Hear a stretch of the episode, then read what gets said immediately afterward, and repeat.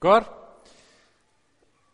Vi, øh, jeg har tænkt, som sagt, at vi skal snakke om, øh, om det her med børn, og det her med at opdrage børn i dag. Og øh, så er der nogen, der sidder og tænker, at jeg har jo ikke børn, så den her prædiken er ikke for mig.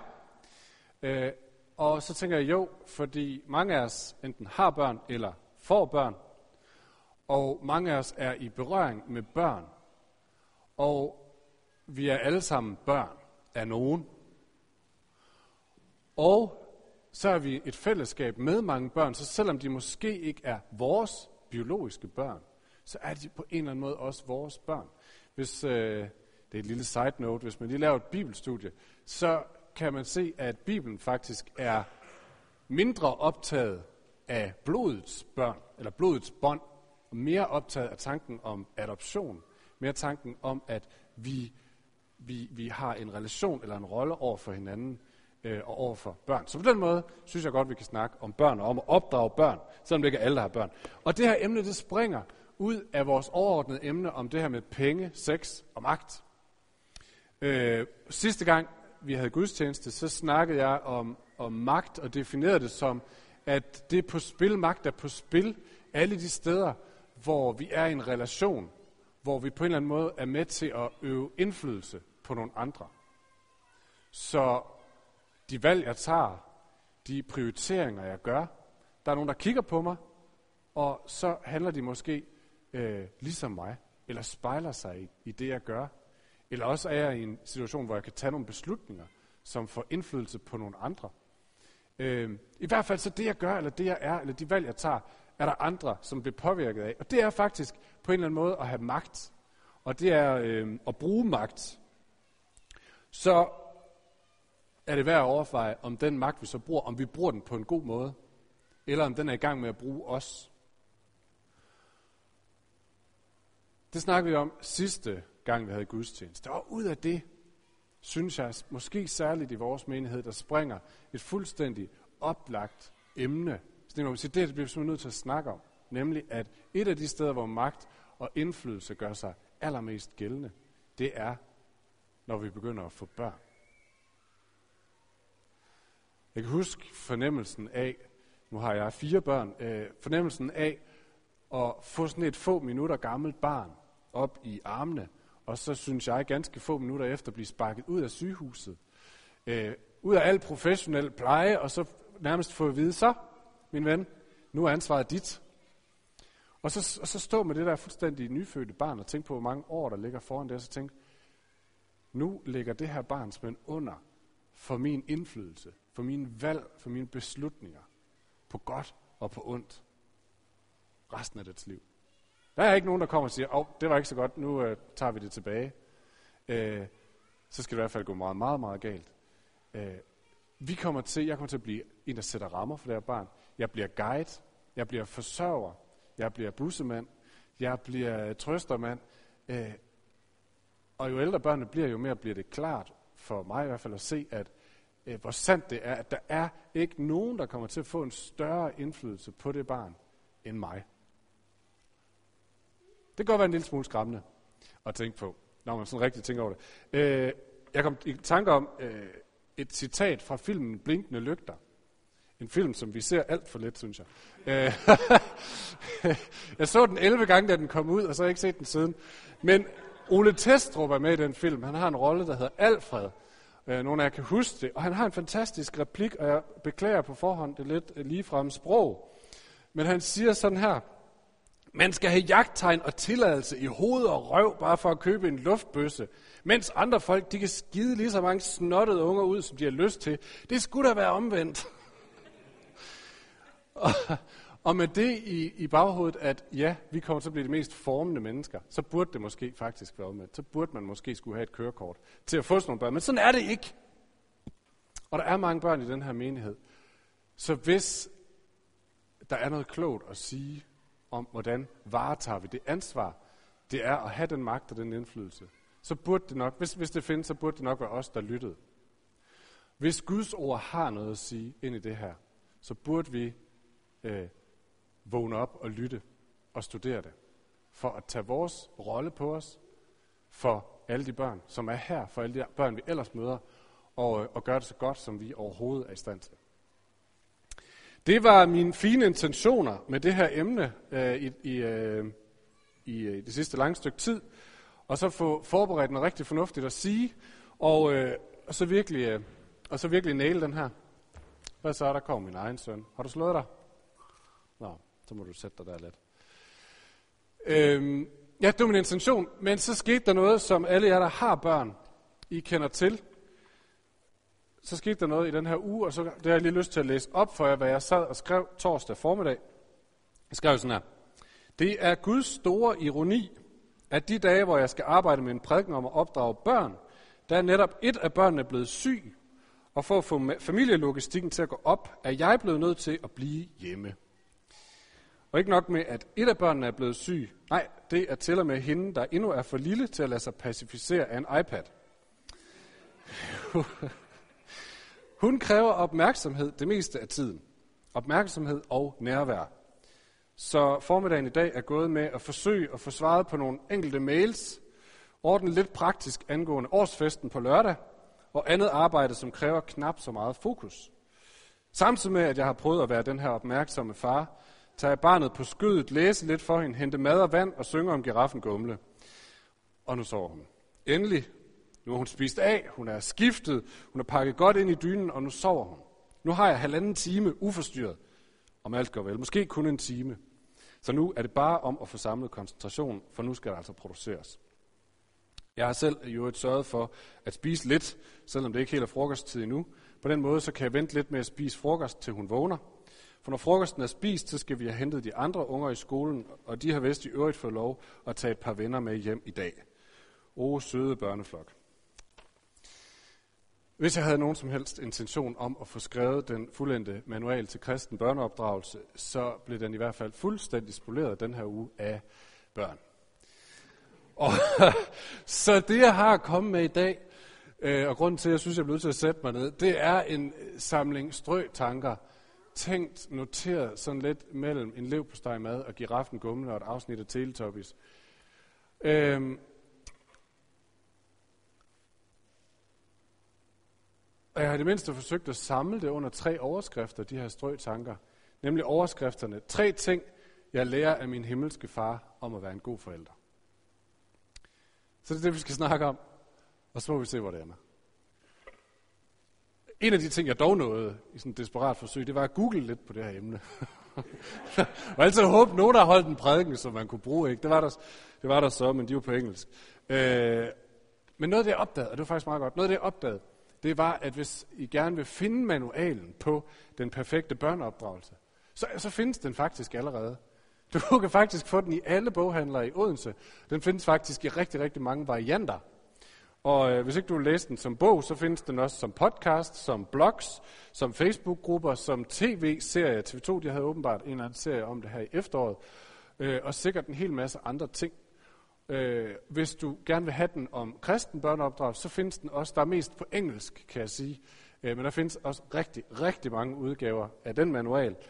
Og øh, ja, de påstår alle sammen, at de er perfekte, selvom de strider lidt i hver deres retning. Så jeg vil, jeg vil gætte på, at rigtig mange af dem faktisk er gode at blive kloge af, og så videre. Så hvis du synes efter det her, når man kan faktisk godt lige bruge lidt mere samlede tanker, lidt mere manual, så findes den i mange udgaver. Så bare gå ud og find den. Og det er der noget positivt i. Men jeg synes også, der var, der var et eller andet betænksomt ved det. Fordi jeg sad og tænkte, øh, at det er måske lidt med børneopdragelse, eller er blevet lidt med børneopdragelse i vores tid, som med rigtig, rigtig mange emner, andre emner. Nemlig, at det er egentlig noget, som jeg burde, øh, burde være perfekt til. Som jeg også burde være succesfuld i. Det var et emne eller et, et område i mit liv, hvor jeg også burde kunne præstere til, til topkarakter. Øh, øh, jeg så for, for nylig en, øh, eller andet sted, hvor der stod, at det her med fire børn, det er det nye tre. Det gælder særligt for folk, der bor nord for København. Men det der med at få fire børn, det viser ligesom tydeligt omverdenen, at jeg, særligt jeg bor nord for København, virkelig har styr på både at have en meget succesfuld karriere og at have en meget succesfuld familie. For vi kan have fire børn hjemme hos os. De har så også råd til at betale to-tre barnepiger til at køre med de der unger. Øh, men, men, øh, men alligevel, det at få børnene, det er et udtryk for, at jeg har styr på mit liv. Så på den ene side en god idé at gøre sig umage med børneopdragelsen, når man har den. På den anden side er det vigtigt, at det handler om børnene, og ikke handler om, hvordan jeg ser ud.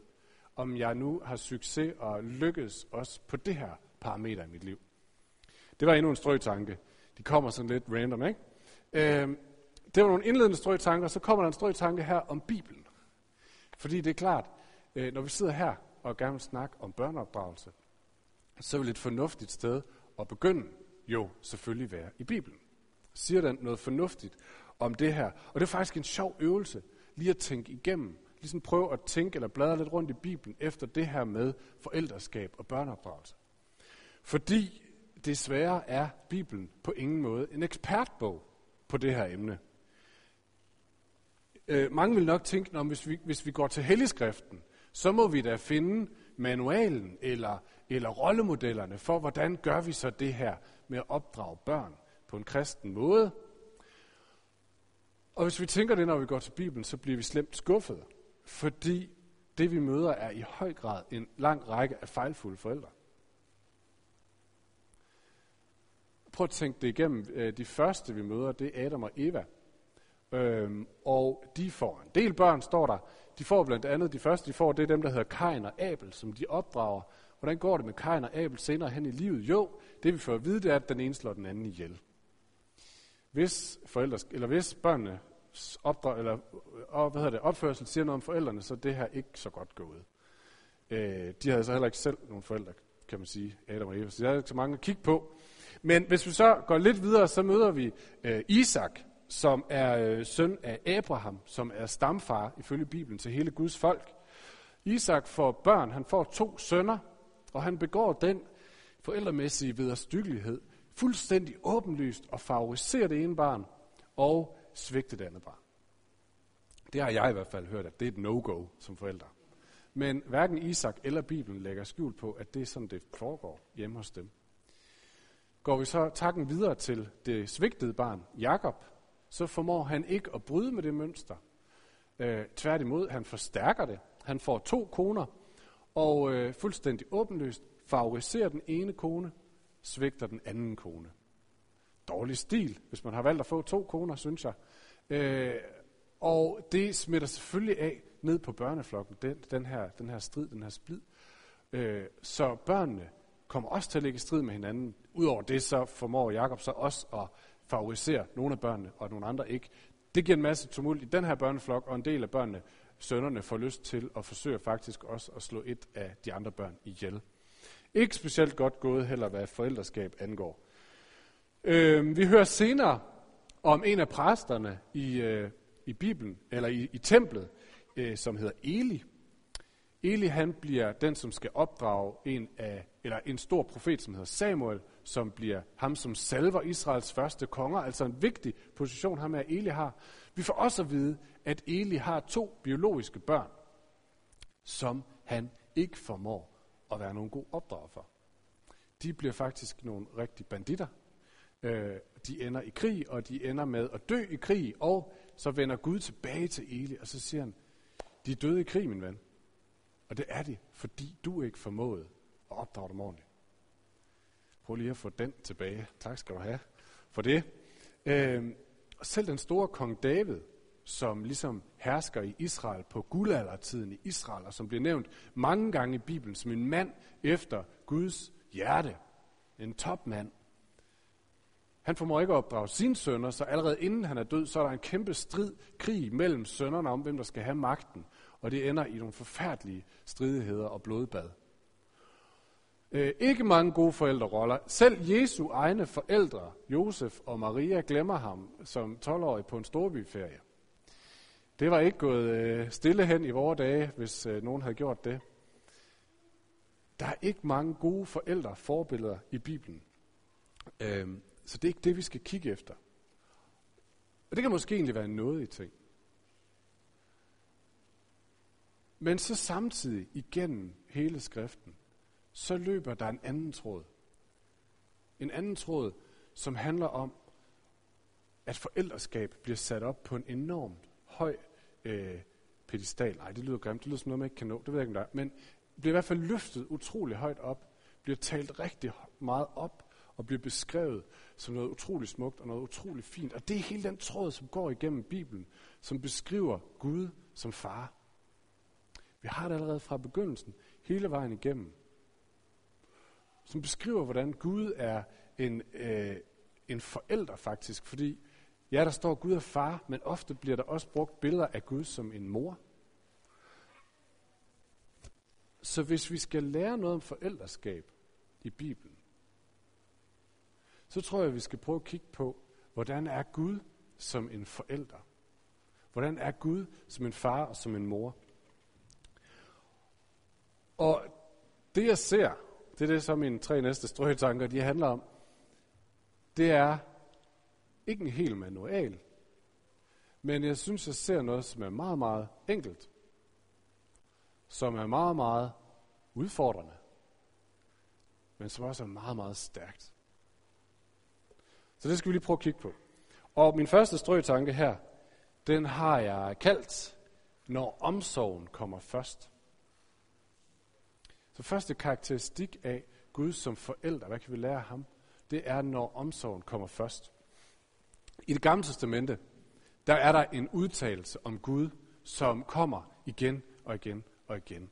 Og det er beskrivelsen, som, eller det sætning, der lyder sådan her. Gud er en nådig og barmhjertig Gud sen til vrede og rig på troskab. Den bliver sagt blandt andet af Gud selv, den bliver sagt af kong David, den bliver sagt af profeten Jonas, og den bliver sagt af profeten Joel og andre steder. Og da Gud siger den, så er det selvfølgelig, jeg er en nådig og barmhjertig Gud, sen til vrede og rig på troskab. På det overvej den beskrivelse. Jeg tænker, mange andre religioner vil sige, hvis man siger, prøv at beskrive din Gud, så vil sige, Gud er en retfærdig Gud. Eller Gud er en, en, en hård Gud. Eller Gud er en vred Gud. Eller Gud er en lunefuld Gud. Men i Bibelen, så er der noget, der går, går forud for det.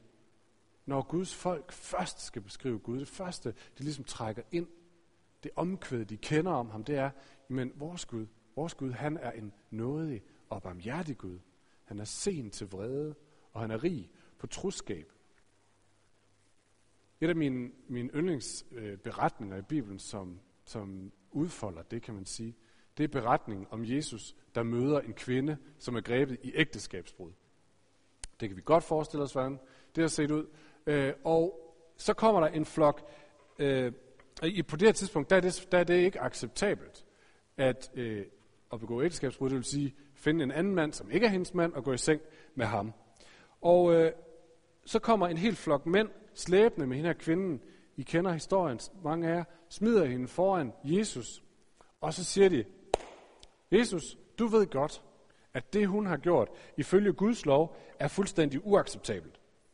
Hun har været direkte ulydig. Og i øvrigt, Jesus, hvis du er, som du siger, Guds søn, så er det også din lov.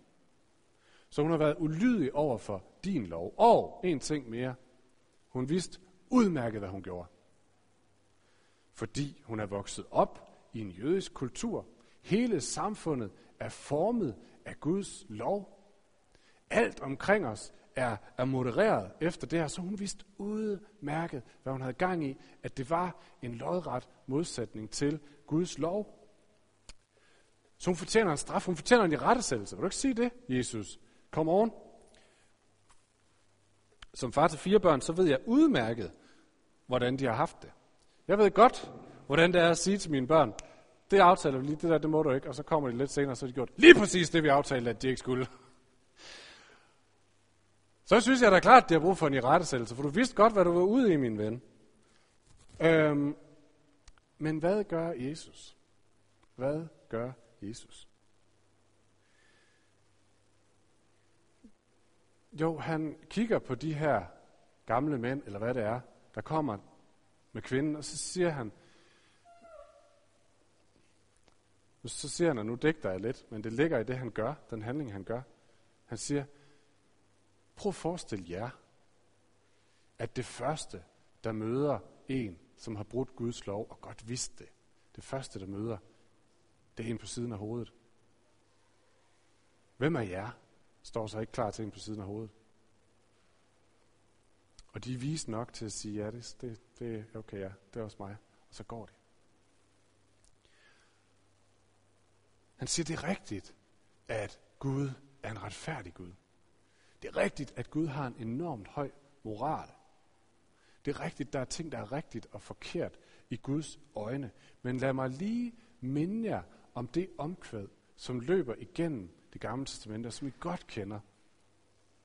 Nemlig, at der er noget, Gud er, før han er en retfærdig og i rettesættende dommer. Og det er, at han er en nådig og en barmhjertig Gud, som er sen til vrede og rig på troskab. Det kommer før hans irettesættelse.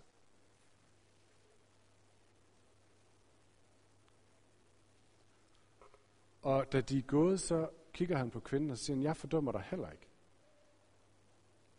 Jeg ser ikke på dem de der dræberøjne og siger, du vidste godt. Nej, det gør jeg ikke. Jeg vejer dig ikke lige på min indre vægt og giver dig en fornemmelse af far skuffet. Eller du burde have dårlig samvittighed. Jeg havde forventet mere af dig. Det gør han ikke. Det gjorde alle andre. Hun gjorde det 100% sikkert også selv. Hun var godt klar over, at hun havde jogget i det. Hun var godt klar over, at hun stod over for en, som med rette kunne kigge på hende på den måde. Hun skammede sig helt sikkert langt ned i jorden over at stå foran Gud, stå foran Jesus. Og en lyd fra Jesus i retning af, at du burde skamme dig, min ven, havde helt sikkert gjort, at hun var gået derfra og havde gjort noget endnu dummere. Ødelagt sig selv endnu mere, for bare at bekræfte den stemme og sige, ja, det er rigtigt, jeg fortjener heller ikke noget som helst. Jeg er også en skiderik. Men Jesus giver hende ikke det påskud. I stedet for så giver han hende noget at stå på. Hun ved godt, at han ved, at det hun har lavet er noget råd, og det var dumt. Og alligevel så siger han, hey, du må komme herhen, og du må stå siden af mig. Du må blive her hos mig. Du må mærke min arm om din skulder. Du må sætte dig i sofaen. Du må gerne være her, på trods af alt det råd, på trods af alt det lort, der er i dit liv. Du må gerne være her hos mig. Og jeg tror, det, at han sagde det til hende, blev hendes redning.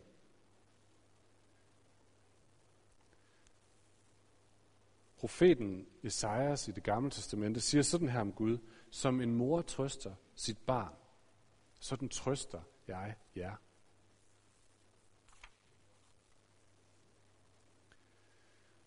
Den her side er ofte forbundet med det feminine, med det, det moderlige, og jeg tror helt sikkert også, at kvinder er disponeret til at bære det mere stærkere, end mænd måske er over for deres børn, eller over for andre. Men det betyder ikke, at vi mænd ikke skal lade nåden, lade omsorgen komme først.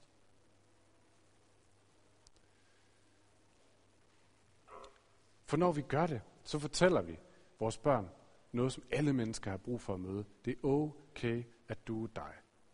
Uanset hvad du er fuld af, det er okay, at du er dig. Du lever ikke op til dine forventninger. Du lever ikke op til andres forventninger. Du lever måske ikke op til mine forventninger. Men du er okay. Du er værd at være sammen med. Lige en strøtanke siden over det herovre. Jeg hørte en sociolog den anden dag fortælle om den generation, som vokser op nu. Og han sagde, det her, det her, det er hovedproblemet for den generation, som er i gang med at vokse op. For de kan ikke skælne det at gøre forkert, og det at være forkert. Fordi de har fået at vide, du har alle muligheder, du kan gøre alting, du står ikke til ansvar over for nogen Gud, ham har vi afskaffet for lang tid siden. Dine forældre, de er ikke så meget en autoritet, de er mere sådan en backup. Så du står, den eneste, du står til ansvar over for, det er dig selv. Så hvis ikke du lever op til det, så er det din egen skyld. Så det handler ikke så meget om, at jeg har gjort noget forkert, men det handler om, hvis jeg, hvis jeg gør noget forkert, så er jeg forkert. Så, så er det dybest set mig, den er gal med. Hvis jeg har gjort noget forkert, så kan jeg komme hen, og så kan jeg sige undskyld, og så kan jeg få at vide, at det er okay, den jeg har forbrudt mig imod, og så er det på plads. Men hvis jeg er forkert, så hjælper det ikke rigtigt at sige undskyld, fordi det er mig, der er forkert. Men jeg tror, det der er brug for, det er at få at vide, eller få lov at mærke, en der kigger på dig og siger, eller bare udstråler, jeg ved godt, at du ikke lever op til det hele. Jeg ved godt, at dine idealer var højere end din formåden. Jeg ved godt, hvor meget du kæmper ind i.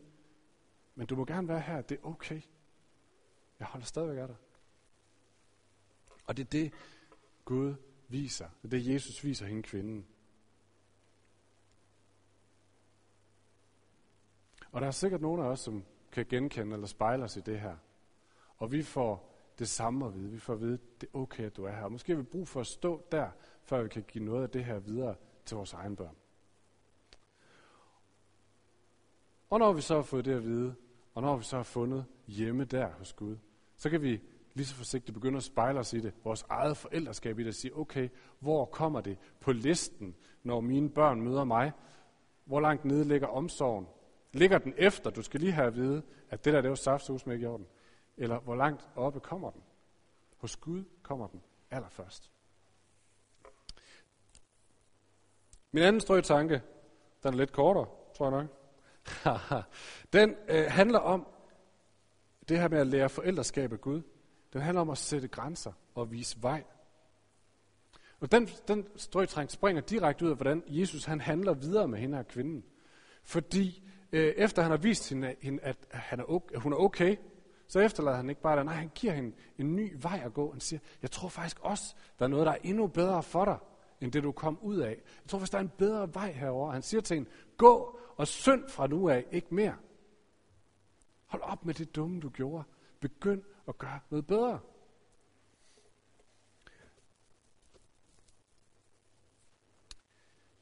Og på den måde så får han vist hende, jeg, jeg tror faktisk, der er mere i dig. Jeg tror hvis du kan noget mere. Jeg tror hvis du er noget mere. Jeg tror faktisk, der er en bedre vej for dig. Jeg tror, der er to, to øh, faldgrupper som forældre. Den ene er, at vi ikke som det første møder med nåden og siger, du er okay. Den anden er, øh, og, og, det, og det er måske, fordi vi dybest set er i tvivl om, vi selv er det.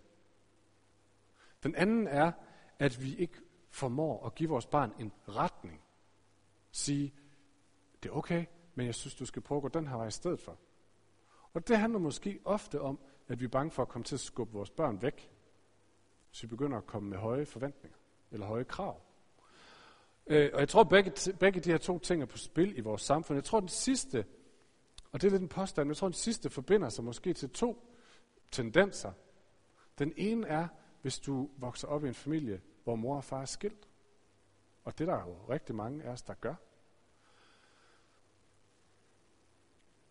Så er det aller, aller, aller sidste, du ønsker som forælder, det er at komme til at skubbe dit barn fra dig, og skubbe det over til den anden.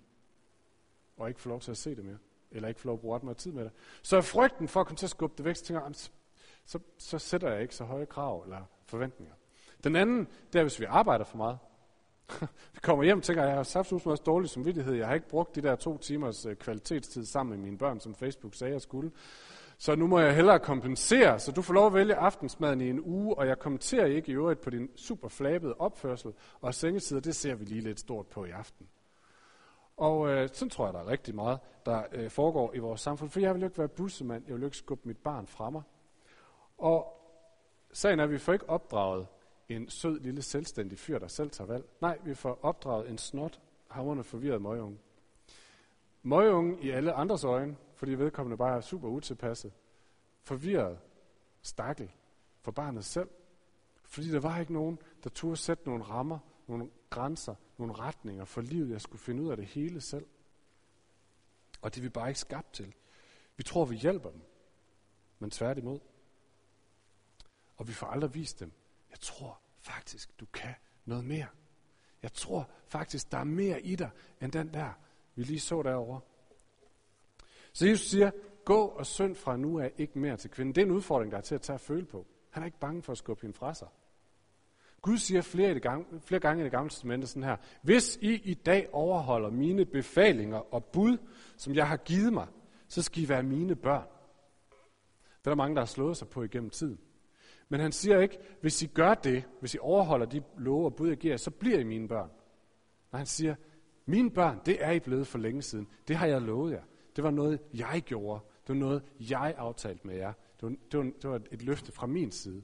Men hvis I ønsker at blive ved med at være mine børn, hvis I ønsker at gå på den gode vej og blive den bedste udgave af jer selv, så overhold mine bud. Gå en bedre vej.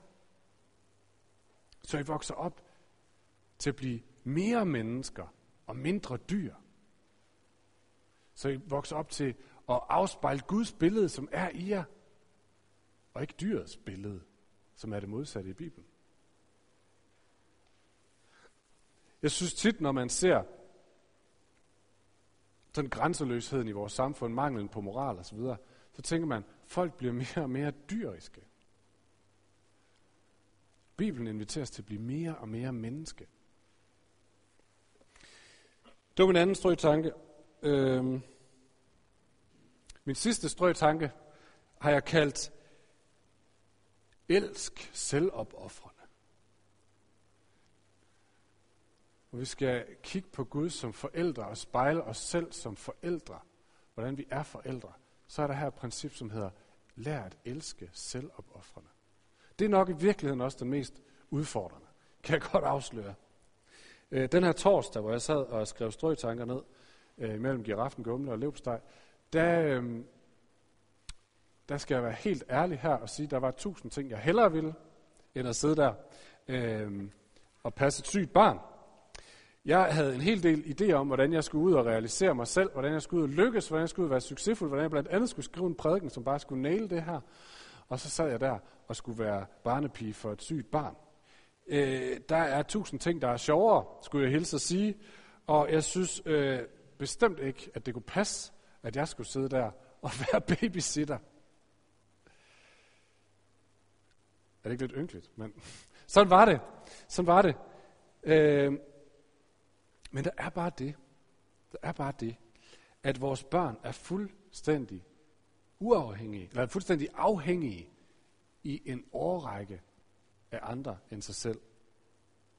Nelly, som var hende, der var syg, kan på ingen måde klare sig alene. Jeg kunne ikke sige, nå, men ven, du er syg, det er fint. Her er øh, en, et afsnit af Teletubbies og en yoghurt, og så tager far på arbejde og realiserer sig selv. Hej, hej. Nej, hun er fuldstændig afhængig af, at jeg bliver der, ser hendes behov og møder hendes behov. Og hvad koster det? Jo, det koster, at jeg tager mine behov og lægger dem på hylden og siger, det er der bare ikke lige tid til. Fordi jeg er indgået i en højere forpligtelse. Jeg bliver nødt til at afgive min uafhængighed og imødekomme mit barns afhængighed. Det koster rigtig meget. Det er et afkald hver eneste dag. Stå op midt om natten. Og jeg havde et, et længere citat af Luther, jeg kom til at tænke på, man kan ikke huske det, så jeg kan ikke sige det. Men han siger noget på et tidspunkt om, jamen, hvad er efterfølgelse af Kristus? Hvad vil det sige at forsøge at ligne Jesus? Men det er at stå op om natten og skifte en lorteblæ. Og det er at kysse konen, selvom man ikke har lyst, og så videre.